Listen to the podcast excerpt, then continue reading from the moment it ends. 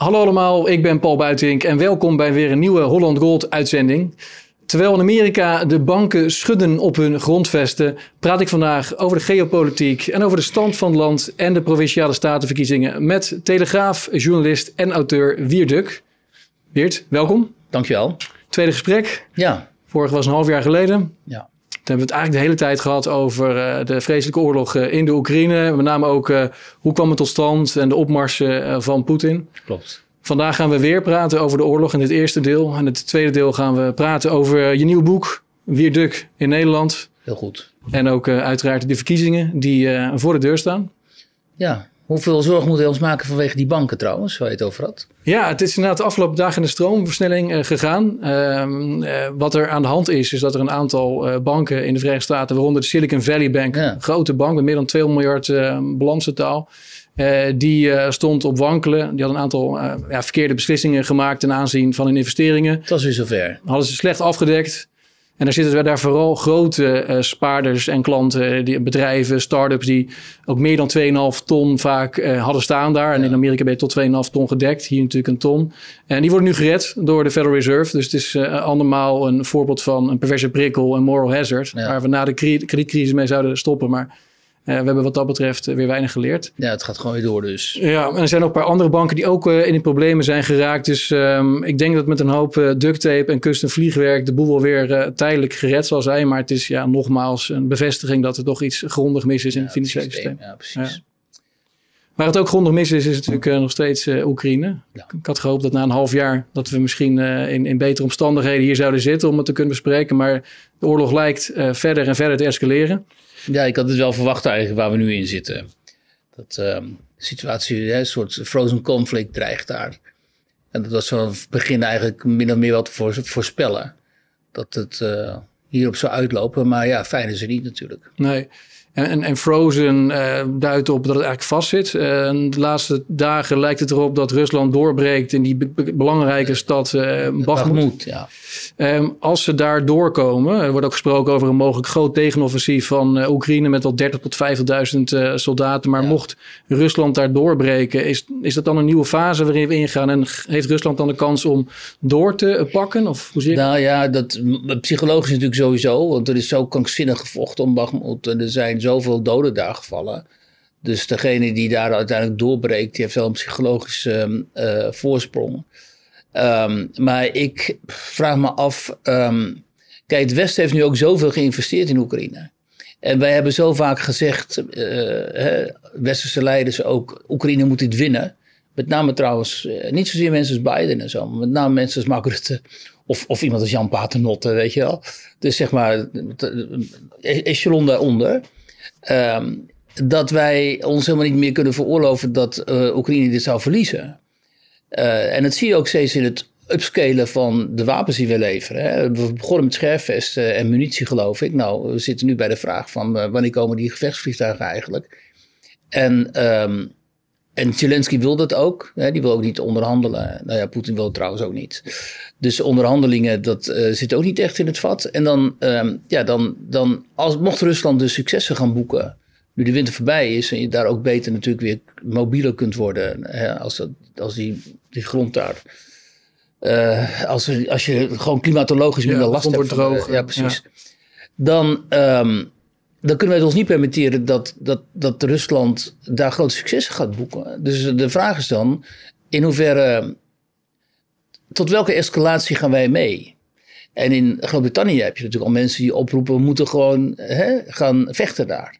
Hè, die Britten, de jingoïsme is kennelijk altijd, ligt toch altijd om de hoek of zo daar. En die vinden, ja, we moeten gewoon troepen sturen. We moeten meegevechten tegen dat gevaar. Nou, de Amerikanen houden daar nog de boot af, is heel goed. Um, in Nederland weet je het niet, want D66 groep wel van alles, maar als het op aankomt, dan gaan ze natuurlijk. Uh, nou, Hoekstra wil misschien de dienstplicht natuurlijk in ja. stellen. Heeft het daarmee te maken, denk je? Ja, hoe dan ook zitten we in een situatie, uh, sowieso natuurlijk, in, op, staan we op een keerpunt. Dus ons hele denken over defensiepolitiek, over bewapening, over veiligheid, is door die invasie van Poetin gewijzigd. En interessant om te zien is nu, ik meen dat we het daar vorige keer ook al over hadden, dat vooral de linkse partijen die deze oorlog vooral beschouwen als een soort uh, morele strijd ook. Hè? van het goede tegen het kwade. Dat uh, linkse partijen vooral heel erg tuk zijn op het bewapenen van Oekraïne. En eventueel ook het uh, leveren van gevechtsvliegtuigen en dergelijke. de Duitse Grünen bijvoorbeeld, die, die minister Beerbok van Buitenlandse Zaken. Ja, die is er heel fel in. Die heeft ook al openlijk gezegd: wij zijn in oorlog met Rusland. Er is heel erg fel voor bekritiseerd, maar dat zei ze gewoon in de ja, Europese setting. Rutte heeft natuurlijk ook gezegd, hè, wat dat betreft. Ja, het is onze oorlog. Ja. Hè, en uh, ze kunnen nooit goed definiëren waarom precies het dan onze oorlog is. En ze kunnen ook nooit definiëren wat het dan is, uh, wat dan het winnen van die oorlog zal betekenen. Betekent dat dan dat de Russische troepen verdwijnen uit Oekraïne, of dat uh, Poetin wordt afgezet, of betekent dat regime change in Rusland? Dat is allemaal heel vaag. Um, nou, meestal wordt toch natuurlijk bedoeld op het terug uh, heroveren van verloren gebied, inclusief de Krim. Dat ja. als eigenlijk als winst. Uh, ja, precies. Maar zelfs dat is al natuurlijk een uh, illusie, want die Krim, de Russen gaan de Krim nooit opgeven. Dus als je dan de Krim wil terugveroveren, ja, dan moet je wel heel erg zwaar materiaal inzetten. En dan moet je eigenlijk ook Rusland gaan bestrijden intern, dus in Rusland. Nou ja, dan heb je dus een full-scale oorlog tussen Rusland en het Westen. Nou, dat, dat, ik, in mijn ogen moet je dat helemaal niet willen. Uh, je moet deescaleren juist als het mogelijk is. Maar de, uh, je ziet geen enkele, geen enkele beweging in die richting. De beweging is nog steeds uh, tot escalatie. En Zelensky de indruk geven dat wij uiteindelijk wel over de brug zullen komen met de gewenste wapens, waardoor hij dit kan winnen op de een of andere manier. Zonder ja. dan te specificeren wat dan die winst betekent. De vorige keer was je nog wel voorstander van het blijven leveren van wapens. Hoe sta je er nu in? Nou ja, ik vind, kijk, wij zijn destijds die, uh, die morele verantwoordelijkheid aangegaan. En ik was daar tegen. Uh, destijds rond het associatieverdrag al en het aanbieden van uh, het lidmaatschap van de NAVO. Daarvan heb ik altijd gezegd, ze spelen met vuur. De Russen en Poetin met name hebben zo vaak gezegd van ja, dit is onze achtertuin geostrategisch. Uh, we, willen, we gaan dit niet accepteren. dat hebben ze toen ook duidelijk gemaakt natuurlijk met toen Poetin de Krim inpikte. Uh, dus ik heb wat gezegd. Nou, maar goed, wie, ben ik? Maar goed, uh, als voormalig Rusland-correspondent en iemand die Poetin heeft bestudeerd, uh, heb ik gezegd: van doe dat nou niet. Probeer nou uh, van Oekraïne een neutrale staat te maken. En probeer, hè, en als ik Oekraïne was, Oekraïns politicus, zou ik proberen te, ervoor te zorgen dat je zowel in vrede leeft met Rusland als goede contacten onderhoudt met het Westen. En dat kan op allerlei manieren. Daar hoef je niet per se voor lid van de NAVO te worden. Maar uh, goed, de analyse is nu inmiddels heel anders. Wij gaan er in het Westen van uit dat uh, Poetin uh, heel Oekraïne wil inpikken. En uh, dat zal ook wel ongetwijfeld zo zijn. Maar dat hij vervolgens, als dat dan het geval zou zijn, ook nog eens een keer naar de Baltische landen of naar Polen door zou willen stoten. Wat, wat ik onmogelijk acht, maar goed. Um, maar Medvedev had laatst wel gezegd dat hij bereid is om tot aan de Poolse grens te gaan. Hè? Want... Ja, die voormalige president ja. en premier. Maar die Medvedev die is eigenlijk gewoon gestoord. Als je ziet de uitspraken of de uitlatingen die hij doet op de sociale media en zo. Die zijn zo extreem. Um, dus de vraag is, Kijk, het is natuurlijk volstrekt onrealistisch. Als, als Poetin Polen zou aanvallen of de Baltische landen, dan valt hij dus NAVO-landen aan. Dan treedt artikel 5 in werking, waardoor dan de NAVO gewoon als geheel dan uh, in conflict raakt met Rusland. En dan, dan, dan verstaan we Rusland gewoon. Omdat de NAVO oneindig veel sterker is dan de Russische ja. krijgsmacht. Um, dus die angst die bijvoorbeeld Rutte heeft als hij zegt van ja, we moeten oppassen dat, uh, dat het, we niet net als in 1938 in München uh, Sudetenland opgeven in de hoop dat Hitler dan stopt. Uh, en dat is die vergelijking ja. wordt dan gemaakt door ja. meer Rutte van ja, je kunt nu al vrede sluiten met Poetin en bij wijze van spreken Donbass op Krim geven, ja. maar vervolgens zal hij niet uh, stoppen en, en doorpakken en wellicht inderdaad naar de Baltische Staten gaan of Polen. Die angst leeft in die landen. Vind je die angst dan nou ja, dat is allemaal heel tweeledig. Want jij vroeg aanvankelijk dus, uh, je bent voor die wapenleveringen. Dat ben ik ook, omdat we destijds nu eenmaal dat, die, die verantwoordelijkheid zijn aangegaan. Dus dan vind ik ook, dan moet je ook B zeggen. Als je A zegt, ja. moet je B zeggen, hoewel ik het onverstandig vond. Uh, nu is die angst voor uh, Rusland in de Baltische landen en in Polen en de andere Oost-Europese, Centraal-Europese landen natuurlijk volstrekt reëel. Ook in voormalige Sovjet-republieken zoals Moldavië ja, en Georgië en zo. die is historisch, vanuit het historische oogpunt gezien, um, realistisch en ook uh, terecht. Um, alleen, je moet onderscheid maken tussen inderdaad landjes als Moldavië en Georgië en zo, die heel duidelijk binnen Russische, Russische invloed vallen uh, en nog geen lid zijn van NAVO. En uh, die Baltische landen en Polen en andere Centraal-Europese landen, die gewoon het beschermingsbuffer, de beschermingsbuffer van de NAVO hebben. Ehm, maar hoe moeten we dan met Poetin omgaan? Ehm, inmiddels is het zo ge- geëscaleerd dat je waarschijnlijk moet eh, afwachten hoe die uitputtingsoorlog zich eh, voltrekt. Omdat het, dat is nu dus een uitputtingsoorlog geworden, een soort loopgravenoorlog. De, de- ongelooflijk veel mensen eh, verliezen hun leven daar, veel mannen en, en jongens ook. En uiteindelijk wijst de geschiedenis uit dat, dat, dat zoiets dan eh, tot een frozen conflict kan leiden. Dus dat, dat de Krim en het Donbass dan onder Russisch, eh, Russische invloed blijven. En de Krim blijft dan deel van Rusland. En dat dan eh, een soort romp Oekraïne ontstaat. Dat ze zich richt op het Westen. Nou ja, dat, dat heb ik vanaf het begin gezegd. Dat het misschien daar wel op zal uitlopen. En dan moet je uiteindelijk zo realistisch zijn om daarover, over die situatie dan met Rusland, te proberen tot een soort van afspraken te komen. Eh, ook, maar ook heel duidelijk met, eh, dus dat je ook met de stok komt, zeg maar, hè, carry a big stick. Dat je ook aan Rusland duidelijk maakt, maar eh, dit avontuur gaan jullie niet nog een keer aan. Nee, want West-Oekraïne zou dan direct lid kunnen worden van de NAVO. Precies, dan zou je Oekraïne versteld moeten opnemen in de NAVO bijvoorbeeld. En dan vallen die ook onder die veiligheidsparaplu. En dan, eh, nou ja, dan heb je misschien een werkbare situatie.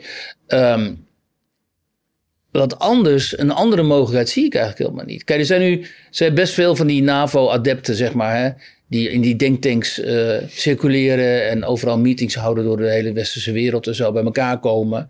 Voormalige militairen en zo, Havik, Amerikaanse Haviken, die zeggen we, moeten gewoon Poetin nu uitschakelen. Eh, we moeten ervoor zorgen dat Zelensky die oorlog wint. De Oekraïners doen het werk voor ons. Eh, ze krijgen onze wapens. eh, kijk, eh, kijk eens wat een succes. En voor de Amerikanen is dat ook best een succes. Want ze hebben die energietoevoer vanaf Rusland naar Europa afgesneden. Hè, door Nord Stream. Ja, laten we het daar nog weten over dus niet hebben. wie Nee, Nord Stream heeft uitgestaan. Maar goed, Nord Stream is niet meer. Dus wij kopen nu hele dure Amerikaanse energie, gas vooral. Eh, en Oekraïners die doen het militaire werk voor de Amerikanen. En uiteindelijk wordt Rusland toch verzwakt. Ehm, dus voor de, voor de, de, de, zeg maar de haviken in het Westen is het helemaal niet zo'n ehm eh, nare situatie. Bovendien krijgen we zo meteen een leger binnen de NAVO. eh, dat enorm gehard is op het, eh, op het slagveld. het Oekraïense leger namelijk. Dus dat, ehm, dat, ja, dat is allemaal win-win, zou je zeggen. Als je vanuit dat toch wel vrij cynische oogpunt eh, naar, die, naar dit conflict kijkt. En, en dan terugkomen op de wapens. De meerderheid van de Nederlanders is tegen het leveren van eh, gevechtsvliegtuigen. Ehm, volgens mij is het nu zo dat, wat, dat er wat mix geleverd gaan worden met Amerikaanse eh, bommen eronder eh, eh, gemonteerd. Ehm, maar zou jij zelf, eh, enerzijds ben je voorstander van het leveren van wapens, anderzijds maak je je zorgen over die escalatieladder die uiteindelijk eindigt bij troepen en misschien zelfs eh, nucleaire wapens. Ehm, Ja. Maar wel of geen voorstander van het leveren van gevechtsvliegtuigen? Kijk, die MIGs, die Oekraïnse piloten kunnen daarmee vliegen. Ja, en want die, die moeten helemaal getraind Als we met onze gevechtsvliegtuigen gaan vliegen, dan moeten ze helemaal getraind worden. Dat duurt nog heel lang kennelijk. En met die MIGs kunnen ze vliegen. Dus dat zou op zichzelf ehm, wel een optie eh, kunnen zijn, denk ik. En eh, ik denk ook niet dat dat nou zozeer uh, Poetin ertoe zal brengen om dan toch maar een steden als Kiev of uh, Lviv of zo uh, te vernietigen. Hè, omdat hij dan weet dat dat ook enorme consequenties heeft. Maar ja, wat ik al zei, ik ben ervoor om dat die partijen met elkaar gaan praten. En dat, dat er druk, internationaal druk op hen wordt uitgeoefend om dat te gaan doen. En, maar ik zie helemaal niks vanuit de Verenigde Naties bijvoorbeeld. Um, Nee, ja, Gutierrez maakt zich zorgen over een uh, nucleaire oorlog. Ja, maar, maar verder, ja, daar maken we ons allemaal zorgen over. Het initiatief lijkt nu vooral van China te komen om, om toch uh, tot, tot onderhandelingen te komen. En misschien wordt er ook al gesproken, hè, zonder dat wij er weet van hebben. Dat weet je natuurlijk ook niet. Ja, nou, China had natuurlijk op die veiligheidsconferentie in München hè, het initiatief. Maar ja, dat wordt dan door het Westen ook direct afgefakkeld omdat we China niet vertrouwen. Dus, dus wij zien China als partij in dit conflict, als bondgenoot van Rusland. Dus dat vinden we onbetrouwbaar. Maar ja, de wereldeconomie, goed, daar, daar, weet jij veel van. De wereldeconomie kan natuurlijk op, op de lange duur. En zo, nou ja, vooral de westerse economie. Onze Europese economie op de lange duur zo'n conflict niet dragen. Nee, nee, en China heeft recent nog laten zien dat het uh, best een goede vredes um, tussenpersoon kan zijn. Want tussen Saudi-Arabië en Iran, Iran zijn de diplomatieke ja. betrekkingen ja. Uh, geopend. Dus dat Pax Amerikanen lijkt uh, bijna een soort een Pax China te worden. Nou ja, maar hier gaat, daar gaat het hier voor een deel natuurlijk ook om. De Amerikanen zijn als dood dat ze hun hegemonie, hegemonie in de wereld uh, verliezen. Hè. Die unipolaire, unipolaire wereld is aan het veranderen. Dat is ook wat Poetin telkens zegt en de Chinezen ook. Hè. En Saudi-Arabië steeds meer. Daar waar ze natuurlijk onder het juk van de Verenigde Staten ja. leefden en de petrodollar daar geboren is, kiezen ze nu bewust uh, voor uh, ja, nauwere banden met hun grootste afnemer, China. Ja, dat is heftig. Dat zijn hele heftige ontwikkelingen. Ja. Maar ook heftig wat je net al noemde, Nord Stream. Het fascineert me uh, wezenloos. Het, is, het lijkt een soort van Cluedo voor gevorderden te worden. Van wie heeft het gedaan? Was het de butler? Of... Maar als we terug uh, even samenvatten wat er gebeurd is met Nord Stream. Ook voor de kijkers. We hadden natuurlijk september uh, in 2022 um, hadden we de aanslag. Ja. Um, zijn drie van de vier pijpleidingen van Nord Stream 1 en 2 vernietigd, gesaboteerd. Direct uh, wezen allerlei vingers, met name vanuit westerse media en politici, waaronder uh, D66-politici, uh, naar Rusland. Ja. Um, terwijl Rusland geen motief had. Rusland kan natuurlijk gewoon de, de gaskraan dichtdraaien. Ik heb er ook met Rob de Wijk over gehad. Die, zei, die vond het ook een wat naïeve vraag voor mij om te veronderstellen uh, dat Rusland het niet gedaan zou hebben. Oh ja? Je zou natuurlijk kunnen stellen dat Rusland een, een vals vlek plant om dan de schuld uh, in Amerika's schoenen te schuiven. Dat ja. hebben ze vaker gedaan natuurlijk. Hè? Maar dat is wel een hele dure vals vlek. Hè? Dat is alsof wij de afsluitdijk opblazen om dan uh, daar de schuld... de Duitsers de schuld ja, dus, ja. dus er zijn natuurlijk kosten en baten. En de kosten van zo'n vals vlek om je eigen infrastructuur ter waarde van 50 miljard op te blazen. dat staat niet in verhouding tot wat je daarmee mogelijk kan winnen. Nee, dat ook dus Rusland lijkt mij geen, geen kandidaat. Dat hadden we Seymour Hershon, een waanzinnige analyse van een paar weken geleden. En zij, hij wees naar de Amerikanen en de Noren. Nou, die hebben allebei natuurlijk een motief. De Noren ja. concurreren voor gas en hebben een pesthekel aan, aan de Russen. Amerikanen die hebben het aangekondigd. Zowaar Biden natuurlijk waarschijnlijk geheel ja. tegen de zin in van zijn veiligheidsdiensten heeft aangekondigd februari vorig jaar dat als Rusland zou binnenvallen, zouden ze linksom of rechtsom die pijplijn uh, uitzetten. En Will ook, come to an end. Ja. Will bring it to ja. an end. En ook Nuland heeft dat gezegd. Diezelfde ja. Nuland die 2014 nog zei, fuck de EU. Ja. Dus die heeft ook genoeg um, uh, plannetjes voor dit continent. Ja. En we hebben natuurlijk gehad Sikorski, jouw grote vriend. de oud-minister van Buitenlandse Zaken van Polen... die Amerika bedankte na de aanslag. Dus, nou ja, dat is zo interessant aan de, deze kwestie natuurlijk. Hè? Dus je hebt Biden die zei, van letterlijk zei, uh, als Rusland uh, binnenvalt, dan komt er een eind aan Nord Stream. Victoria Nuland, die al een hele instrumentele rol speelde op de Maidan destijds in 2014, hè, die stelde toen eigenlijk de nieuwe Oekraïnse regering samen. Hè, die, die moet premier worden, die mag er niet in, die wel en zo. Ja. Gewoon letterlijk zei ze dat in een telefoongesprek met haar ambassadeur daar. Wat werd afgeluisterd en wat ook niet de, de, de vereiste, vind ik, ophef teweegbracht verder. Men deed maar alsof het normaal is dat de Amerikanen uh, buitenlandse regeringen samenstellen. Um, die heeft ook letterlijk gezegd van, uh, ik ben blij dat uh, Nord Stream nu een, een, een hoop metaal op de bodem van de zee is. Ja, ook nog eens, ja. Juist, en toen dus die aanslag eenmaal was gepleegd, en toen um, het, stuurde dus die Radek Sikorski een foto van die plek. Uh, daar in de zee. En daar schreef hij boven op Twitter: uh, Thank you, USA. Nou ja, dan denk je. 1 plus 1, hoeveel is dat? Weet je wel? ja, ja. En dan toch werd gezegd: nee, dat zijn niet Amerikanen. Dat zijn, of, of de, dat zijn geen westerse motor, dat zijn de Russen. Terwijl iemand als Sikorski, die, die al jaren zich in dit krachtenveld begeeft en uh, op de Maidan notabene uh, heeft onderhandeld destijds tussen al die groepen daar. Die samen met Carl Bildt, uh, de voormalige Zweedse premier en heel belangrijk binnen de, laten we zeggen, westerse veiligheidsstructuren. Dus zowel NAVO als CIA ook. Hè. Um, samen met Bild de grondlegger was van de associatieverdragen, waardoor het, uh, de Europese Unie de voormalige Sovjetrepublieken aan zich wilde binden. En wat ook een van de kernproblemen was uh, in dat conflict wat ontstond daar op die Maidan. Hè? Omdat die Janukovic, die toen president was, die wilde dat associatieverdrag terugdraaien. Die wilde een soort gelijk verdrag met Poetin sluiten. En toen liep die Maidan vol met demonstranten. En Sikorski was daar aanwezig en om die onderhandelingen te leiden. En uh, is gewoon een asset van uh, het Westen. Zijn, zijn vrouw is Anne Applebaum. Ja. Een van de grootste haviken in dit hele Rusland-debat. Uh, een groot kenner van Rusland overigens heeft goede boeken geschreven ook uh, over die regio. Maar is een enorme havik. Dat zij heeft uh, een aantal jaren geleden nog gepleit voor gewoon bombarderen van Moskou. Ja. Hè?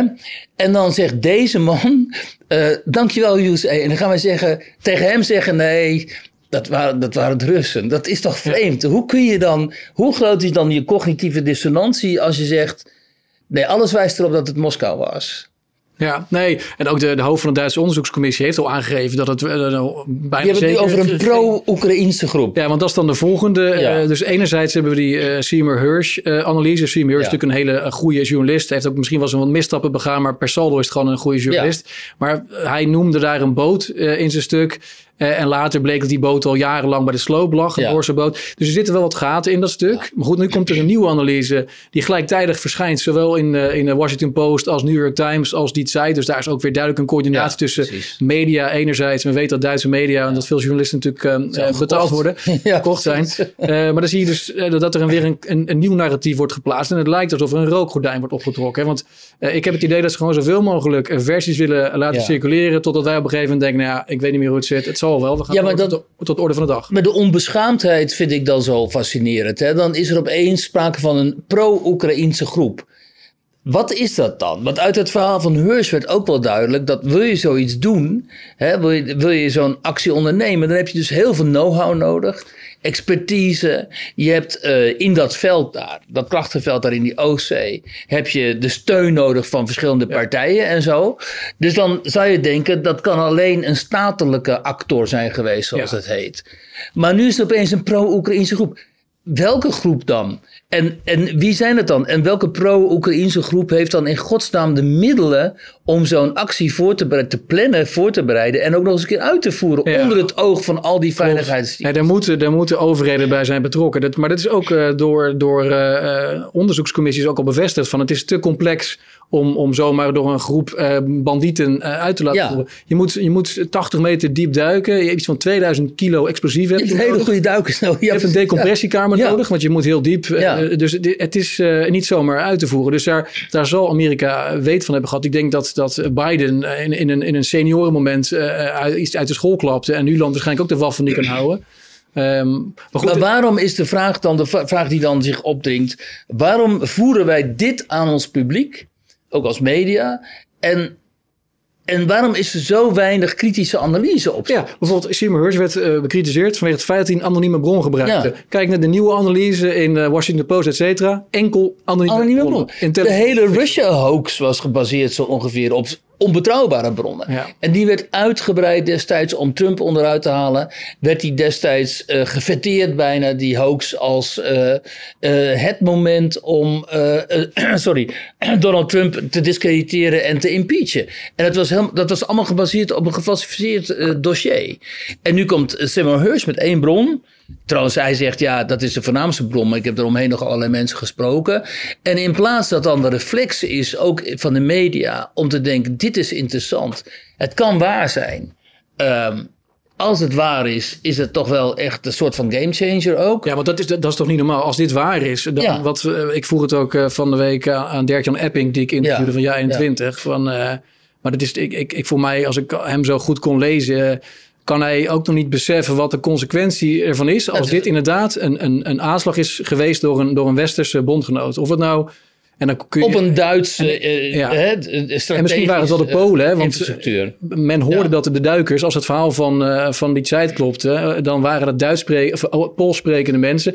De Poolse kust was natuurlijk vlakbij uh, het, het uh, punt van, van de aanslag. Oh, hebben ontzettend de Polen aan Duitsers. Ja, en, en aan Russen. Ja. Dus de Polen, eh, misschien met steun van de Amerikanen, dat zou best wel een, een interessante nou ja, kijk, Polen is kunnen zijn. Veel mensen weten dat misschien niet, maar Polen is natuurlijk een soort uh, uh, vooruitgeschoven Amerikaanse post geworden in dit uh, conflict. Ja. Hè, het hele gezeur over de Poolse rechtsstaat en zo, waar we het voor het conflict toch telkens over hadden. Hè?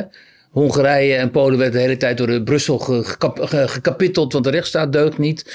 Dat, voor Polen geldt het inmiddels niet meer. Hè? Polen is de, een, de belangrijkste bondgenoten eigenlijk in het conflict uh, uh, met Rusland ja. van ons. En uh, de Polen hebben, en dat weten heel veel mensen ook niet, daar heerst toch altijd een heel breed anti-Duits sentiment. Vanwege de oorlog, uh, maar ook nu dus vanwege de Duitse aarzelingen over het leveren van wapens en het, en, en het, echt het aangaan van een commitment met, met Kiev. Hè? Niet zozeer bij de Groenen, maar dan aanvankelijk bij, bij Scholz en de SPD. En ook wel in, in in het publiek, hè, in de media. En de Polen zijn er veel feller in, zijn er veel radicaler in. Dus het zou mij niks verbazen als inderdaad die Polen hierbij betrokken waren. Um, maar uh, Sikorski is een Pool ook. Hè. Ja. Misschien wist hij meer. Uh, maar dan moet je afvragen, inderdaad, wat jij zegt. Dat is dus een oorlogsdaad dan uh, tegen een bondgenoot. Want dat was vitale Duitse infrastructuur, dat Nord Stream. Ja. bij Nord Stream was ook die Gerhard Schreuder, de voormalige bondskanselier, uh, betrokken. Ja, wij in Nederland, de GasUnie heeft 9% ja. belangen in Nord Stream. Wij zouden ook wat meer vragen mogen kunnen stellen als, als, als media of Dan is het toch raar dat die vraag niet gesteld wordt. Inderdaad, nee. GasUnie zit daarin. Dan moet er toch ophef ontstaan. En dan moet er een discussie ontstaan aan de talkshowtafels. Van joh, hoe, wat, wat is hier precies gebeurd? Maar er zou, en de, Rusland heeft daarvoor uh, gevraagd, uh, een internationale commissie moeten komen. Natuurlijk, want nu voeren landen zelfstandig onderzoek uit. Maar alle landen hebben hun eigen geheim, geheime dienst. En die werken niet met elkaar samen vaak. Hè. Iedereen bespioneert elkaar. Amerika, Amerika bespioneerde Merkel. Um, dus die diensten vertrouwen elkaar voor gemeten. Die gaan nu allemaal doen ze hun eigen onderzoek. Maar dat, ja, waarschijnlijk weten ze al wie het gedaan heeft, maar kunnen ze dat natuurlijk niet zeggen, omdat het verstrekkende gevolgen heeft voor de westerse veiligheidsstructuur. Stel je voor, het is waar, hè? Dat, dat, dus niet de Russen het hebben gedaan, maar dus de, Amerikanen met de Polen samen of zo. En Scholz weet dat. Hè, dan ben je dus bondskanselier van Duitsland en je weet dat. Ja. En je moet dat geheim houden, want je kunt het niet naar buiten brengen natuurlijk. Nee. Um, uh, hoe kijk je dan vervolgens naar uh, jouw relatie met je belangrijkste bondgenoot. En wat, wat heb je dan te verstaan gekregen eigenlijk? Wat je dan te verstaan gekregen hebt door Amerika is dus... Dit was eens maar nooit meer. Je gaat nooit meer onze vitale belangen uh, inruilen voor je eigen belang. Want dat is in feite wat gebeurde met Nord Stream natuurlijk. En de Amerikanen waren heel erg tegen. Die wilden niet die, die, die, die link naar Rusland. Dat vonden ze geostrategisch wilden ze dat helemaal niet. Hebben de Duitsers toch doorgezet. En nu hebben, uh, dus dan kun, je, dan kun je zeggen, als dit allemaal zo waar, als dit, als dit scenario klopt, dat de Amerikanen dus voor eens en altijd hier de streep hebben getrokken. En dat de Duitsers, en daarmee de Duitsers dan in, in een hok hebben geduwd.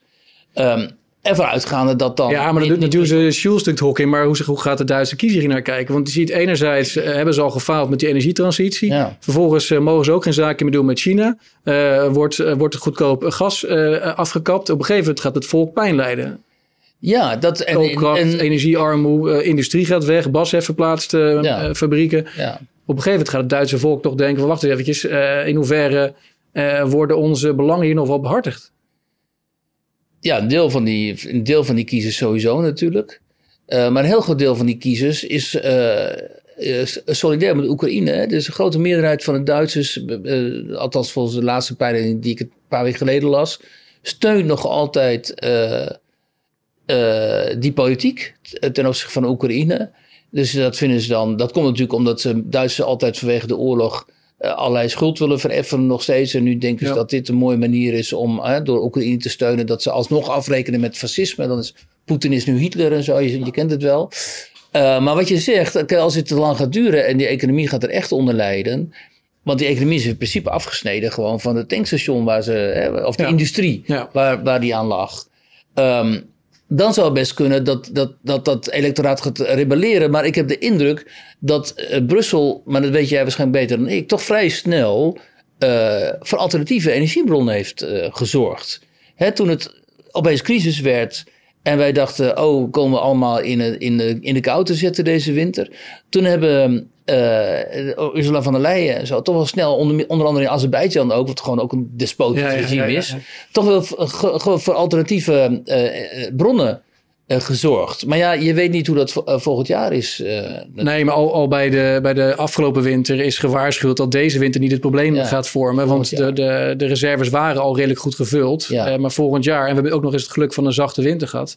En natuurlijk onze, onze koopwoede op de internationale markt. Uh, heeft ook allerlei tweede en derde orde effecten gehad voor uh, armere landen die uh, ineens met meer blackouts te maken hebben gehad en energiearmoede. Dus, En we hebben natuurlijk heel veel geld tegenaan gegooid. De vraag is hoeveel meer geld kunnen we er als Europa en, en, en natiestaten nog tegenaan gooien voordat de inflatie te hard verder oploopt. Dus ik denk de komende maanden zal het allemaal nog wel meevallen. Maar ik maak me toch wel zorgen over de, de volgende winter als, dit, als dit conflict niet snel wordt opgelost. Ja, nou ja, de enige meer reden om. Uh, kijk, het conflict. Dat is, het, het, gekke is ook, dit conflict staat natuurlijk helemaal nergens op. Het is twee broedervolkeren die elkaar aan het, uh, deels aan het uitmoorden zijn. Hè, waarvan weet je, gedeelde geschiedenis, grotendeels gedeelde taal en cultuur, gedeelde, nou ja, zeker eigen tijdse geschiedenis. En dan, dit is gewoon wat in Joegoslavië gebeurde. Um, en, en, en, wij zijn daar betrokken in geraakt. Weet je, het is, als je met enige afstand naar kijkt, is het zo absurd allemaal. Um, en wij moeten daar proberen ons aan te onttrekken op de een of andere manier. En daar met een veel nuchtere, objectievere blik naar kijken. En die twee partijen dwingen, zou je hopen, uh, om tot rust te komen. Maar ja, dat is dus kennelijk toch niet in het uh, voordeel van bepaalde krachten in het Westen. En zeker kennelijk niet in het voordeel van de Verenigde Staten en de NAVO. Die hierin uh, ook wel een mogelijkheid zien om Poetin uit te schakelen. Ja. En dan komt China met Taiwan. Ja, dus what's next inderdaad. Dus dit conflict heeft nu alle focus, maar het volgende conflict kan natuurlijk zomaar China-Taiwan zijn. Ja, en dat is, hè, dat hebben de Amerikanen ook telkens gezegd. Dat zeggen al die mensen in die denktanks ook. Van luister, wij zijn niet in staat om op twee fronten oorlog te voeren. En dat was hun, hun, tot deze invasie hun grote zorg. Maar als we Poetin in zijn hok krijgen en zijn krijgsmacht grotendeels elimineren, dan zijn we daar in ieder geval van af. En dan kunnen we ons richten op China ja, maar het lijkt er vooral op dat we de, de, de NAVO-voorraden aan het elimineren zijn. Uh, want we raken wel door onze eigen uh, voorraden heen. Uh, Ook in Amerika zijn er zorgen over, natuurlijk in, in Europa helemaal. Uh, terwijl de Russen blijkbaar toch een enorme productiecapaciteit hebben. Want al vanaf maart 2022 werd gesproken over dat de munitie bijna op zou zijn. Maar dat blijft ook maar doorgaan. Dus ook ja, daar... Poetin kan gewoon een oorlogseconomie uh, ja, dat, uh, organiseren. En niet voor niks, het, het zijn in het Westen ook allemaal commentatoren die zeggen van ja, wij moeten ook overstappen op een oorlogseconomie. Ja. En dan moeten we dus in plaats van televisies en fotoapparaturen, zo moeten we dus bommen gaan maken kennelijk in die fabrieken. Ja. En ja, ik vind het allemaal uh, totale waanzin, maar goed. Uh. Ja, een hele zorgwekkende en, en, en een dramatische situatie. Uh, ja. nou, als we elkaar over een half jaar weer spreken, dan hoop ik dat het er beter voor staat. Ja, dat, dat hoop ik ook, want dit is natuurlijk niet te doen. En, um, en, wat, en wat ook wel erg zorgwekkend is, is die bij de psychopathische radicalisering in, in Rusland van de publieke opinie. Hè? Dus niet eens zozeer misschien dat Kremlin, dus misschien houdt Poetin nog wel zijn hoofd koel. Maar al die propagandisten om hem heen en die, die propaganda daar op de nationale televisie en zo, dat is gewoon volstrekt waanzinnig. Dat is gewoon hoog. Dat is zoals Hitler Duitsland op zijn hoogtepunt was, bij wijze van spreken. Ja, heel eenzijdig allemaal. Ja, maar ja, niet alleen eenzijdig, maar ook gewoon echt waanzinnig. Ja. Het, permanent gespeculeerd over atoombommen op westerse steden. En, uh, en het uitroeien van de Oekraïners. En het totaal, weet je, het, D. hoe heet dat nou? Het, het, het, herprogrammeren van de Oekraïners die allemaal in een soort nazistische Op, psychose terecht zouden zijn gekomen en zo. Dat, ja, dat is gewoon. Dat is vreselijk, ja. Ja, wat dat betreft heeft Rusland, uh, uh, zeg maar, dat, dat publieke debat in Rusland, dat speelt zich nu ongeveer af op het niveau van Rwanda ten tijde van de genocide. Hè? En, um, en, uh, en qua maatstaven en zo, qua grootte en uh, militaire kracht en het aantal kernwapens en zo dat Rusland heeft, is het natuurlijk wel een ander land dan Rwanda destijds was. Zeker. En daar hebben we nu dus mee te maken. Weet je, dat is echt, ja, ik had laatst Tom Sauer hier aan tafel. Oké, Tom Sauer, ja, echt een interessante uh, Vlaamse hoogleraar. Die maakt zich toch wel steeds meer zorgen over uiteindelijk een, een nucleaire escalatie. Uh, hoe zie jij dat? Nou, ik denk, kijk, ik heb lang in Rusland gewoond en dat is zo'n door en door cynisch land. Uh, en gedegenereerd ook trouwens. Uh, niks te nadelen van de enorme hoeveelheid eh, goede en lieve Russen en zo. Maar de, de macht, de elite is zo totaal decadent en gedegenereerd en corrupt en cynisch... dat ik me niet kan voorstellen dat iemand binnen die elite... op een enkele doorgedraaide ideoloog misschien na denkt dat het een goed idee zou zijn om op een nucleaire knop te drukken. Omdat ze daarmee ook zoveel uh, verliezen. Al die rijkdommen die ze hebben vergaat. Al die jachten en die huizen die nu wel zwaar bevroren zijn. Maar goed, die ze toch maar hebben. Um, uh, en, en, en, hun eigen leven verliezen ze dan. En dat hebben ze er helemaal niet voor over.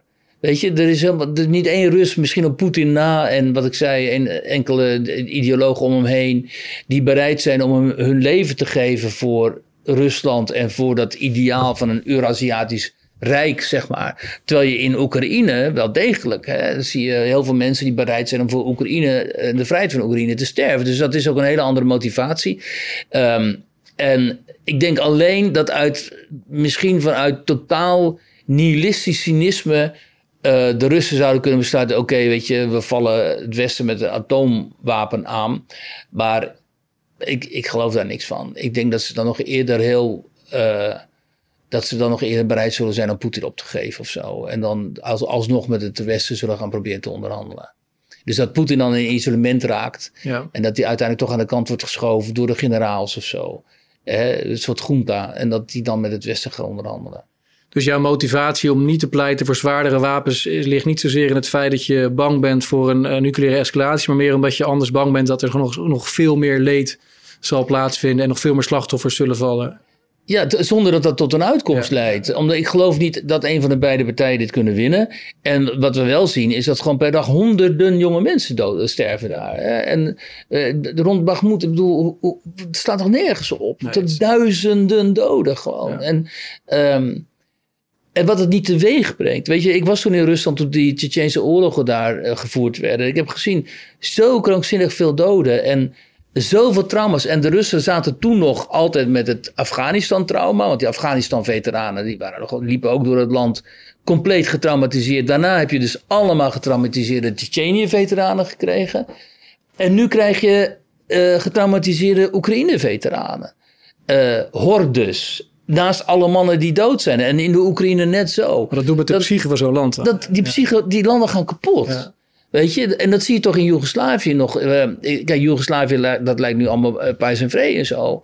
Maar als je Servië komt en zo, die haat daar, dat is nog zo virulent uh, eigenlijk. Ook ten opzichte, het wantrouwen ten opzichte van het Westen. En in Kosovo net zo. En, nou ja, of kijk naar de, um, Israël-Palestina, dat is dan niet vergelijkbaar qua, qua doden en zo. Maar het is wel vergelijkbaar qua... Onderlinge haat. Ja, en trauma's, historische trauma's die, die, daar spelen bij beide partijen. Waardoor er geen waardoor daar ook niet eh, een oplossing meer mogelijk lijkt te zijn. En, en die kant uh, gaan we nu op daar in uh, Oekraïne ook. En dan heb je te maken met enorm grote landen, weet je wel. Ja. Landmassa's met, met tientallen miljoenen uh, mensen ook.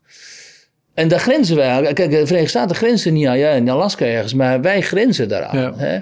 Dus wij hebben daar rechtstreeks mee te maken. En um, ja, ik zou wel pleiten voor alle pogingen die mogelijk zijn om daar de situatie te, te, te normaliseren. Maar ja. Ja, ja dat, uh, laten we daar uh, op hopen. Uh, laten we nu wat gaan inzoomen. We zijn natuurlijk vreselijke, bijna ehm, ja, niet te bevatten problemen daar in, in Oekraïne. In Nederland zijn er ook problemen, natuurlijk op kleinere schaal, maar wel Um, genoeg problemen waar, waar mensen zich zorgen over maken. Van de week kwam ik weer een bericht naar buiten dat uh, 6 op de 10 huishoudens financieel zwak is. Nou, ik weet de helft van de huishoudens komt maar net aan rond iedere maand.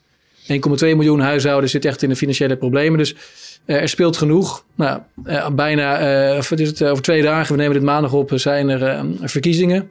Je hebt een boek geschreven, Wie Duk in Nederland. Uh, waarin je je columns hebt gebundeld. Want uh, de afgelopen jaren heb je iedere week een, een, een verhaal geplaatst in de Telegraaf. Reportages je, Ja, reportages. Ja, um, voordat we over de verkiezingen praten en over de, over de problemen waar mensen nu vooral tegenaan lopen.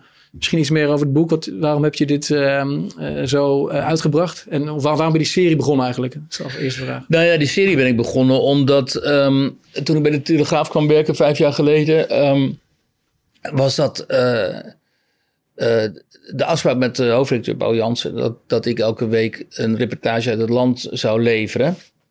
Dat, uh, omdat we wilden onder, onderzoeken... ja, wat leeft er nou in het land precies? En vooral ook, wat leeft er nou onder die, die mensen die zich als afgehaakten zien. Dus mensen die zich niet meer herkennen in, in het politieke systeem. Ook totaal niet meer in de media. En uh, ja, die proberen desondanks in Nederland een uh, leven te leiden. Maar dat, leven, dat is wel vaak een leven vol met uh, argwaan, teleurstellingen, frustratie ook. En niet dat ik per se alleen die groep zou gaan opzoeken. maar wel ook hen aan het woord zou laten. Ook naast mensen die het eigenlijk prima hebben. Hè? Gewoon D66'ers die het helemaal tevreden zijn en zo. Maar wel een beetje zou focussen op die, zeg maar, die, die groep van boze burgers uh, ontevreden burgers die eigenlijk de afgelopen vijf jaar mede ook onder invloed van uh, corona natuurlijk, uh, misschien niet zozeer groter is geworden, maar wel meer gezicht heeft gekregen natuurlijk. Hè? Omdat ze vaak op Malieveld gingen staan en elders. En dan kwamen nog de boeren bij met de, op de trekkers en zo. Dus die, die, zeg maar, die, die beweging van bozige afgehaakten, ja, die heeft echt wel een gezicht gekregen. Um, en in dit boek laat ik een groot aantal van hen, denk ik, aan het woord. En ik wilde dit ook bundelen uh, ja, als verslag van die afgelopen vijf jaar. Maar ook in de hoop toch wel een beetje dat mensen die niet zo vaak met deze mensen contact zijn. en niet zo vaak mensen uit dit milieu spreken. Een beter inzicht zouden kunnen krijgen in wat daar nou precies zich afspeelt. En hoe die mensen uh, denken en hoe ze leven. En ook om te laten zien dat uh, de meeste van deze mensen natuurlijk volstrekt normale burgers zijn. Zoals Sigrid Kaag vraagt, wie zijn die mensen? Zou je ja. het boek moeten lezen? Nou, ik kan Sigrid Kaag ten eerste aanraden om dit boek inderdaad te lezen. Dan weet ze misschien inderdaad uiteindelijk, na af, als het uit heeft, wie die mensen zijn. Ja, want ik heb het gelezen en ja, je wordt er wel bijna verdrietig van. Hè? Er zitten zoveel gefrustreerde, boze verhalen tussen. Op het laatst ineens toch wel een verhaal van we zijn onwijze mazzelaars. Van van een twee D66-stemmers ja, precies. uit Oegstgeest. Ja, leuke consultant. En, ja, ja, ja. dronken een lekker glaasje wijn met je en die waren zo blij. En ze hebben ook natuurlijk wel regelmatig een punt. Hè. Nou, ik, je hebt zelf in het buitenland gewoond. Ik heb ook in meerdere landen gewoond. Iedere keer uh, ben ik ook weer blij als ik in Nederland ben. Dingen hebben we toch in het algemeen uh, beter geregeld dan heel veel andere landen. Ja. Um, want ik, ik, denk dat je misschien een kritiekpunt zou kunnen zijn dat, dat het selectief is. Dat, het, uh, dat je aan het cherrypicken bent op mijn keuze. burgers. Ja. Ja, maar goed, wat jij zegt, deze mensen zitten er ook in. En er zitten natuurlijk ook wel gewoon uh, christelijke mensen in die, die, die helemaal niet zozeer buiten het systeem willen vallen, maar gewoon willen deelnemen aan het systeem en zo. Er zitten ook best veel allochtonen in, ja. ik, die zeggen dat ze juist blij zijn met Nederland. En uh, juist van Nederland houden en zich ook zorgen maken over die polarisatie.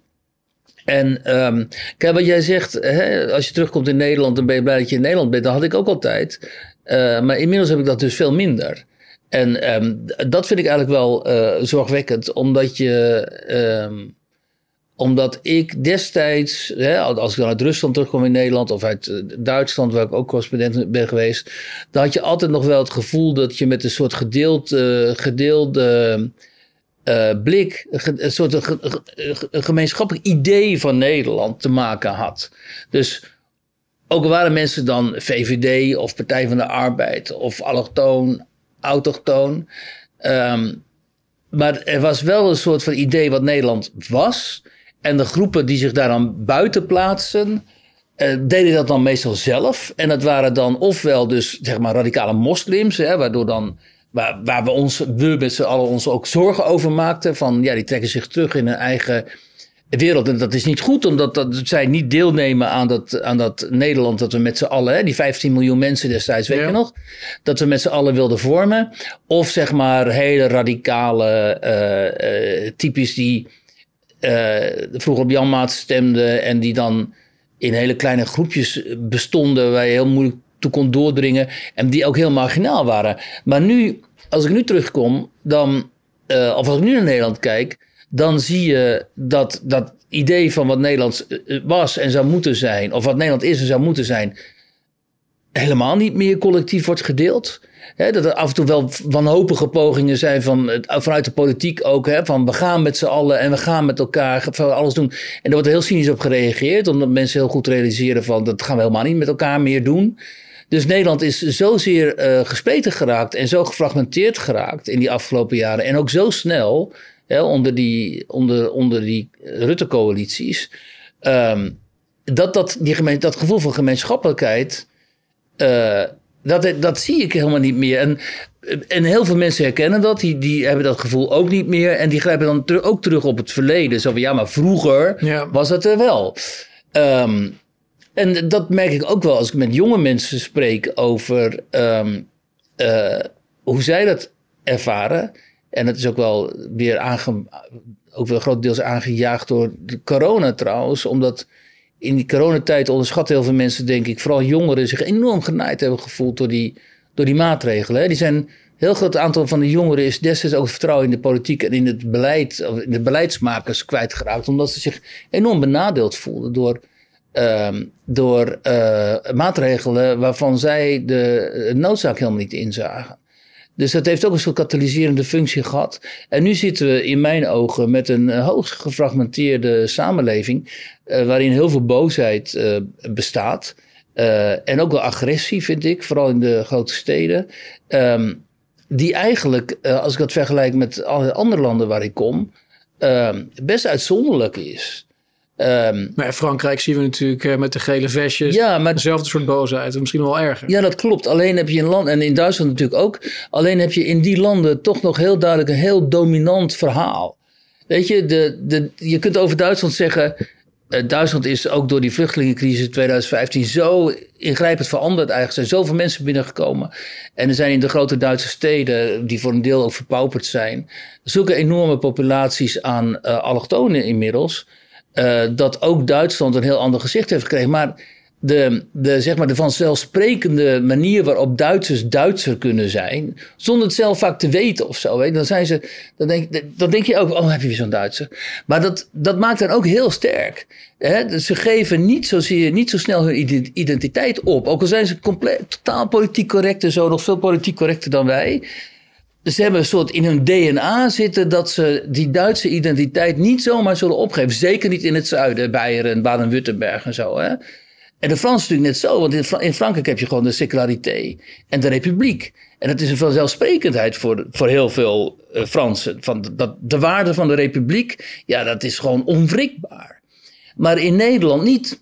In Nederland is niets onwrikbaar. In Nederland, en dat is ook het probleem van deze tijd, denk ik. In Nederland, Nederlands, Nederlandse beleidsmakers zijn altijd bereid om alles weg te gooien. Gewoon, oh, hè, er komt woke. Woke wil iets. Oh, doe maar. Weet je wel? Of, of um, uh, klimaat, klimaatactivisten willen iets. Oh, uh, doe maar. Dat is ook wat James Kennedy heeft het ook wel verteld. Het Nederlandse paradigma, dat je klopt er even op een zoef, dan verschuift het helemaal. En opeens willen wij dan, in de woorden van Rob Jette, de, de klimaatridders van de wereld zijn of zo. Terwijl die groep mensen die ik daar dan in dat boek behandel, die is niks gevraagd. Die zijn nooit meegenomen in dat verhaal. Van hen is nooit gevraagd: wil jij het klimaat gaan redden als, als, als, als uh, speldeprik in de wereld? En die staan opeens te kijken, er staat opeens Rob Jette daar. Die, die zegt dat we dat gaan doen. En als je daar wat van zegt, zegt Sigrid Kaag, wie zijn die mensen? Weet je? Ja. Dus dat, dat is een hele rare, uh, hele nare manier van Nederlanders om te ontkennen. Nederlandse beleidsmakers, politici, laat ik het zo zeggen, media ook vooral, om uh, weg te blijven bij wat nou eigenlijk onze identiteit is en daar ook een beetje voorzichtig mee om te gaan. Hè? En um, en nu zitten we met de gebakken peren. Ik was afgelopen weken in uh, Zuid-Afrika bij uh, zeg maar de Afrikanen, de Afrikanen boeren. Nou, die hebben natuurlijk heel duidelijke eigen identiteiten. En deel van die identiteit is natuurlijk ook die apartheidsgeschiedenis. Maar goed, daar willen ze natuurlijk van af, want het is inmiddels een generatie geleden. En dan zie je hoe duidelijk geworteld die mensen zijn in dat land, in hun eigen geschiedenis. Hoe ze heel duidelijk hun eikpunten in die geschiedenis, hè, slag bij Bloedrivier, de Engelse boerenoorlogen en zo. Maar ook de apartheid was dus een soort van ja, schuld. Hoe heet het? De Duitsers noemen het de vergangenheidsbewältigung, moeten ze op toepassen. Hè? Um, en dat speelt door in hun cultuur, in hun muziek, in alles eigenlijk. En dat, dat maakt ook dat ze een hele duidelijke identiteit hebben. Is ook een logisch minderheid in zo'n land en zo. Um, maar wij. En dan kom je terug in Nederland en dan denk je: God, dat is hier eigenlijk helemaal niet. Althans, het, het, het lijkt er niet te zijn, maar als je dan al die omgekeerde uh, vlaggen ziet, uh, dan is dat een hele duidelijke hunkering en schreeuw ja, naar het vestigen van de identiteit. Dat is het dus. En uh, precies dat die, die overwinning destijds van Forum voor Democratie vier, vijf jaar geleden bij de statenverkiezingen. was natuurlijk ook precies dat. Dat was niet omdat Thierry Baudet een andere economische model aanbood of zo. Of een andere uh, politiek systeem. Maar hij bood dat aan. En Fortuyn net zo goed natuurlijk. En Fortuyn net zo goed. De verwezen samenleving. Fortuyn die zei, de samenleving is verwezen. Ik ga, ik, ik, ik ga het voor jullie uh, redden, zeg maar. En uh, uh, Baudet met zijn uil van Minerva deed precies hetzelfde. Kom bij mij, dan ga ik ervoor zorgen dat, alles, dat die gemeenschap weer hersteld wordt. Dus iets wat het CDA zou moeten doen. Hè? Bij het CDA is bij uitstek natuurlijk de Partij van de Gemeenschapszin. Ja, die hebben dat laten liggen, want het is ook een soort uh, linkse partij geworden. En toen kwam uh, Baudet en die zei dat ik ga dat voor je doen. En heel veel mensen die nou, ja, stroomden naar hem toe natuurlijk. Nou goed, toen draaide hij door en toen zijn ze weer geweest geraakt. Caroline is dan de nieuwe moeder. en nu gaat ze deel, gaan ze deels naar Caroline van der Plas. Omdat um, Terwijl ook Caroline van der Plas zal niet durven, durven zeggen... Luister eens, dit is Nederland. We hebben hier een dominante cultuur, leidcultuur zoals de Duitsers zeggen. Uh, prima als je hier wilt komen bijvoorbeeld, maar je pas je wel aan. En dit zijn onze normen en waarden. En binnen deze context, binnen deze kaders gaan we hier met elkaar om. Dat, misschien wil ze, zegt ze dat wel, maar ze zal het nooit zo expliciet zeggen, omdat ze dan dat stigma van je bent extreem rechts, je bent een racist, je bent een nationalist, weet ik veel wat, over zich heen zal krijgen. Terwijl als je als Fransman zegt van luister eens, we leven hier volgens de principes van de republiek. Nou, prima. Of als je als Duitser zegt, hè, want die Friedrich Merz, die, die CDU-man, uh, duidelijk zegt altijd van hier is een leidcultuur en daar heb je aan te houden. Nou, een heel groot deel van de bevolking zegt dan prima. En ook een deel van de media. Terwijl als je dit in Nederland zegt, dan is het niet bijna geen medium dat zegt, goed, ja, Elsevier misschien, Telegraaf een beetje, Elsevier. Uh, dat, dat zegt goed zo. Hè? En de rest, de rest van die media zeggen allemaal, je bent een fascist. Ja, en het is dan misschien uh, te makkelijk om, om je boek af te doen als van het is een, een, een uh, selecte verzameling verhalen. Maar als je kijkt naar de peilingen, hoe de verkiezingen gaan uitpakken de komende dagen, dan zie je dat een heel groot stuk van de samenleving zich inderdaad verweest voelt en gaat uitwijken naar de alternatieve partijen. Het is ongelooflijk. Ja. heb je dus partijen als de VVD en CDA, vooral CDA met zijn gemeenschapszin. Ja. Weggevaagd. Terwijl er zou een CDA-leider moeten staan nu die zou zeggen: Kom mij, je hoeft niet naar de flanken. Dit is, uh, ik vertegenwoordig dat Nederland waar jullie zo naar hunkeren voor jullie. En wie staat de een van de voormalige prezes van Minerva? Consultant van Minerva. Taal dat is toch niet te geloven? Of Hugo de Jonge. Ja, ja. Dat is toch niet te geloven? En Pieter Omtzigt hebben ze uitgewerkt. Maar ja, Pieter Omtzigt kan zo'n verhaal ook niet goed formuleren. Nee. Weet je, dan gaat hij stotteren. En, dan, en, en, en, en de VVD heeft... Ja, Mona best... Keizer had, had dat wel kunnen doen natuurlijk. Ja, Mona had dat eventueel gekund. Ja. Op haar manier de moeder des vaderlands. Ja, ja. En, en Rutte is gewoon personeelsmanager. Dat is echt ja. totaal niks. Hoe kun je nou premier zijn van een land? Hoe kun je nou de ambitie hebben om zo lang premier te willen zijn van een land zonder een, en ook historicus notabene, ja, zonder, zonder een visie op de cultuur en op de identiteit van dat land en op wat je met dat land wil, welke gemeenschap jij daar mede vorm wil geven. Met alle invloeden, hè, dat maakt helemaal niet uit. Al die mensen die erbij komen, vluchtelingen en zo, die kunnen er allemaal prima onderdeel van worden. Heel veel allochtone mensen die je kent, die, die hunkeren daarna juist. Juist omdat bijvoorbeeld Turkse mensen, uh, bijvoorbeeld, uh, of moslims, zozeer weten wat gemeenschap is. Hè, Turken vanuit hun nationaliteitsbesef en moslims vanuit hun religieuze besef. Ja. Die weten precies wat gemeenschap is en wat je daar voor elkaar kunt betekenen. En die kijken naar Nederland, die denken, waar zijn jullie mee bezig, man? Ja, je maakt een mooi onderscheid in je boek tussen de anywheres en de somewheres. Ja, dat is. En de anywheres, dat zijn inderdaad de Ruttes en de Kaags. En en jij en ik hebben ook in meerdere landen gewoond. Ook, ik zou ook in Ecuador prima kunnen aarden waar mijn vrouw vandaan komt. We kunnen daar ook een leven op bouwen. Maar de meeste mensen zijn toch redelijk gebonden aan waar ze geboren zijn. Op basis van taal en cultuur. En dat zijn dan de somewheres. Ja. Eh, maar die, die, die hebben natuurlijk een heel andere heel ander beeld bij de wereld dan de anywheres. Die inderdaad hun koffer kunnen pakken en ergens anders kunnen wonen. Dus die geloven in een maakbare mondiale wereld. Eh, waarbij nazistaten uiteindelijk ook ophouden te bestaan. Ja, ik maar ken zoveel... Op hoeveel mensen, op, op mensen die uiteindelijk een andere visie hebben over hoe ze uh, hun omgeving gaan inrichten, hoe ze gaan leven. Maar dat is een aparte kast. Ik ken zoveel van die expats, ook door mijn eigen verleden, mijn eigen vriendschap in het verleden, zo in die andere landen. Zoveel expats leren kennen. Die gaan dan de hele wereld over. En dan het is mooi dat kan. Hè? Het, is, het is ook wel gaaf dat we die mogelijkheid Ja, maar die zijn allemaal die, dat is een kaste op zich. Die zijn allemaal verweest, ontworteld. Die leven, de, hun, hun gemeenschap is hun, dan hun gezin meestal. Hè? Ja. Man, vrouw, een paar kinderen. En dan gaan ze met andere expats om in, in van die communities. Zo, ja, diplomatenleven is dat, correspondentenleven. En, uh, maar hun worteling is helemaal weg. En um, en op daar kun je natuurlijk geen, op, op die mentaliteit kun je natuurlijk niet een nazistaat uh, bouwen. Maar ja, we willen, deze kasten wil ook helemaal niks hebben van de nazistaat natuurlijk. Die nee. wil dat Nederland opgaat in de, een of ander vaag Europa. En uh, dat we dan met z'n allen Europeaan worden of zo. Waarvan ik absoluut niet weet wat dat dan voor identiteit zou moeten zijn, weet je wel. En um, ik begrijp ook niet dat dat narratief wat zij hanteren, dat dat niet veel meer tegenspraak krijgt. En dat het niet veel meer vanzelfsprekende tegenspraak krijgt. Behalve uit het kamp van uh, Thierry Baudet. En Baudet deed dat prima, alleen die is op andere vlakken dus helemaal gewoon ontspoord, waardoor, je hem, uh, waardoor hij niet meer de vertegenwoordiger kan zijn van deze groep mensen.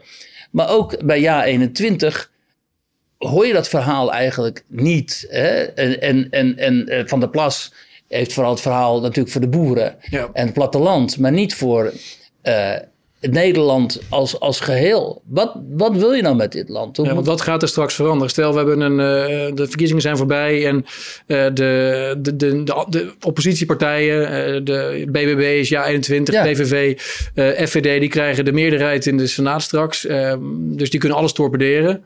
Ehm, dus de komende twee jaar tot de verkiezingen in de Tweede Kamer krijgen we een soort van gridlock. Het land is Ja. niet in staat om nog... die, ja, dus de en dan krijgen nationale verkiezingen maar- en dan is er helemaal de vraag wie de VVD gaat leiden natuurlijk. Als Ja. Rutte lijsttrekker wordt, gaat hij dat weer winnen. Maar als hij niet lijst- lijsttrekker wordt, dan kan een andere partij dat winnen. Dan wordt misschien Caroline van der Plas wel de eerste vrouw. Of misschien gaat Pieter Omtzigt dan wel meedoen. Ja. Maar, ehm, eh, maar feit blijft dat dan tot die tijd die hunkering bij al die mensen, de, eh, zeg maar van de mensen achter de omgekeerde vlag, die blijft bestaan. En overigens, ehm, het antwoord op die vraag van die mensen moet niet alleen natuurlijk komen uit de politiek, maar ook uit de media. Maar in het 90% van de media maken die mensen alleen maar belachelijk. En maken die mensen verdacht. En die zeggen, ja, die omgekeerde vlag is schande. Ja. Ze maken zich nooit druk om de vlag. Hè? Nooit. Weg met die vlag. Weet je? Ja. Nationale vlag in het parlement, allemaal flauwekul. Doe maar Europese vlag. Eh, maar nu opeens maken ze zich heel druk om de vlag, omdat die omgekeerd wordt gehangen. Dan denk ik, oh, oké, nu is de vlag wel belangrijk. Eh, dat soort dingen. En, ehm, en dat ergert mij, ja, god, ik ben journalist, maar dat ergert mij, mis- of dat baart me misschien nog wel het meeste zorgen dat eh, in het parlement heb je in ieder geval al die stemmen wel vertegenwoordigd, tot en met Wilders en de SP en zo. En in de media heb je natuurlijk alleen maar eigenlijk D66, eh PvdA, GroenLinks verhaal, een beetje ja. Telegraaf bij monden van jou, eh, Leon de Winter, Ronald Plasterk. eh, Telegraaf is een soort eiland. Kijk, de media wordt vaak op één hoop gegooid. en vaak ook onterecht. Maar er is echt wel een verschillend geluid te horen, steeds vaker. En dan heb je ook nog alle alternatieve media. Die net zo goed ook onder die noemer media vallen. Dus er is voor, voor ieder wat wils. Maar je moet het wel opzoeken. En je moet het wel uiteindelijk vinden. Maar het is... Ja, maar als je kijkt naar wat de dominante geluiden zijn in de, de dominante media, dus de publieke omroep hier dan, de talkshows. En, eh, hè, de, en de grote Ongehoord Nederland is kwaliteitskranten natuurlijk ook zo. Ja, maar Ongehoord Nederland, daartoe, daarvan wordt gepoogd om eh, hen eh, uit het bestel te werken. Ja. In plaats van te zeggen, joh, dat is zo'n klein, dat is gewoon een muis. En wij zijn een olifant en we gaan niet op een muis stampen. Maar nee, die muis die moet ook, dat moet ook nog. eh, hè? Want natuurlijk is ongehoord Nederland, hoor- hoor je hele rare dingen. En de journalistiek is het eh, af en toe heel mycoosje natuurlijk. Maar waarom zou je dat moeten verpletteren? Als je zelf zo krankzinnig dominant bent en eigenlijk een soort Ja, opiniemonopolie hebt. regelmatig grosseert in halve waarheden. En dan bovendien nog grossiert en halve, halve waarheden ook Ja. ja. bij de publieke omroep. Maar waarom zou je dan zo druk maken over dat hele kleine tegenstemmetje hè, van, van, van Arnold Kaskus die dan één keer per week of zelfs een column mag voorlezen? Eh, Ja, ja, ja. ja, echt, het verbaast mij allemaal zo, weet je. Ja, Ja, ook totaal niet democratisch. Hè? Zo van, Nee. Ze hebben ook zo moeite met democratisch, eh, gewoon met het bestaan van een democratisch Van een, van een verscheidenheid aan opinies. Ja, en meningen, ja. ja, ja. Nee, ja, la- laten we gewoon zoveel mogelijk met elkaar in gesprek zijn en debat hebben. En eh, dus jij zit hier aan tafel, maar ik had ook recent Matthijs Bouwman. Of, of dan heb ik weer ehm, een bankier die langskomt. Ik vind het alleen maar interessant om juist Ja. die verschillende opinies Ja. te horen. En ik denk voor de kijkers is het ook het interessantst. Maar Ja.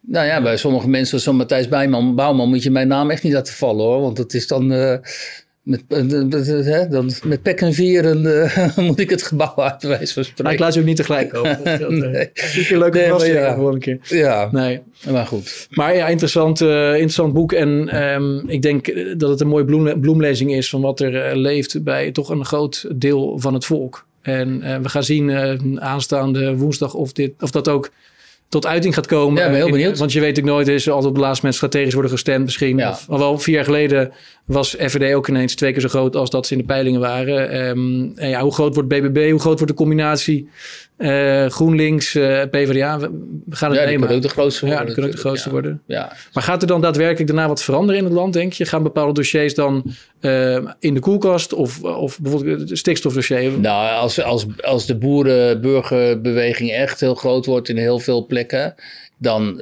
dan moet dat stikstofdossier natuurlijk heroverwogen worden. Ja. Dat, dat kan eigenlijk niet anders. En, ehm, en de vraag is natuurlijk of die, die nationale coalitie onder Rutte, of die, stand, of die stand houdt. Als die geen stand houdt en er komen nationale verkiezingen, dan, dan kun je wel een aardverschuiving krijgen. En waarom zou die niet stand houden? Wat zou een, een trick Nou, omdat het daar binnen natuurlijk al enorm ingewikkeld is. Hè? De, de, de, D66 en de ChristenUnie staan regelmatig tegenover CDA en VVD. Ja. En het kan natuurlijk zijn Kijk, coalities die breken om de gekste dingen natuurlijk. En welk dossier is het meest gevoelig dan, denk je? Waar zou het op kunnen breken? Ja, dat, kijk, dat stikstofdossier ligt natuurlijk sowieso heel erg ingewikkeld. Migratie. Kijk, migratie is... Hoewel ik me dat afvraag hoor, want Rutte doet natuurlijk nu weer heel stoer over migratie. Hè? Maar uh, uiteindelijk uh, doet de VVD meestal niets. Uh, maar goed, de indruk is, ons is nu wel ontstaan dat op migratie de meningen wel heel erg uit, uiteenlopen. Um, maar het kan ook gewoon persoonlijke irritatie eh, zijn natuurlijk. Alleen maar ze houden elkaar nu natuurlijk vast, omdat ze weten als er uh, parlementsverkiezingen komen. Uh, dat een aantal van die partijen dan uh, zwaar onderuit uh, zal gaan. En dat, ja, dan zullen er politieke slachtoffers zijn en zullen mensen de zondebok moeten spelen. Ja.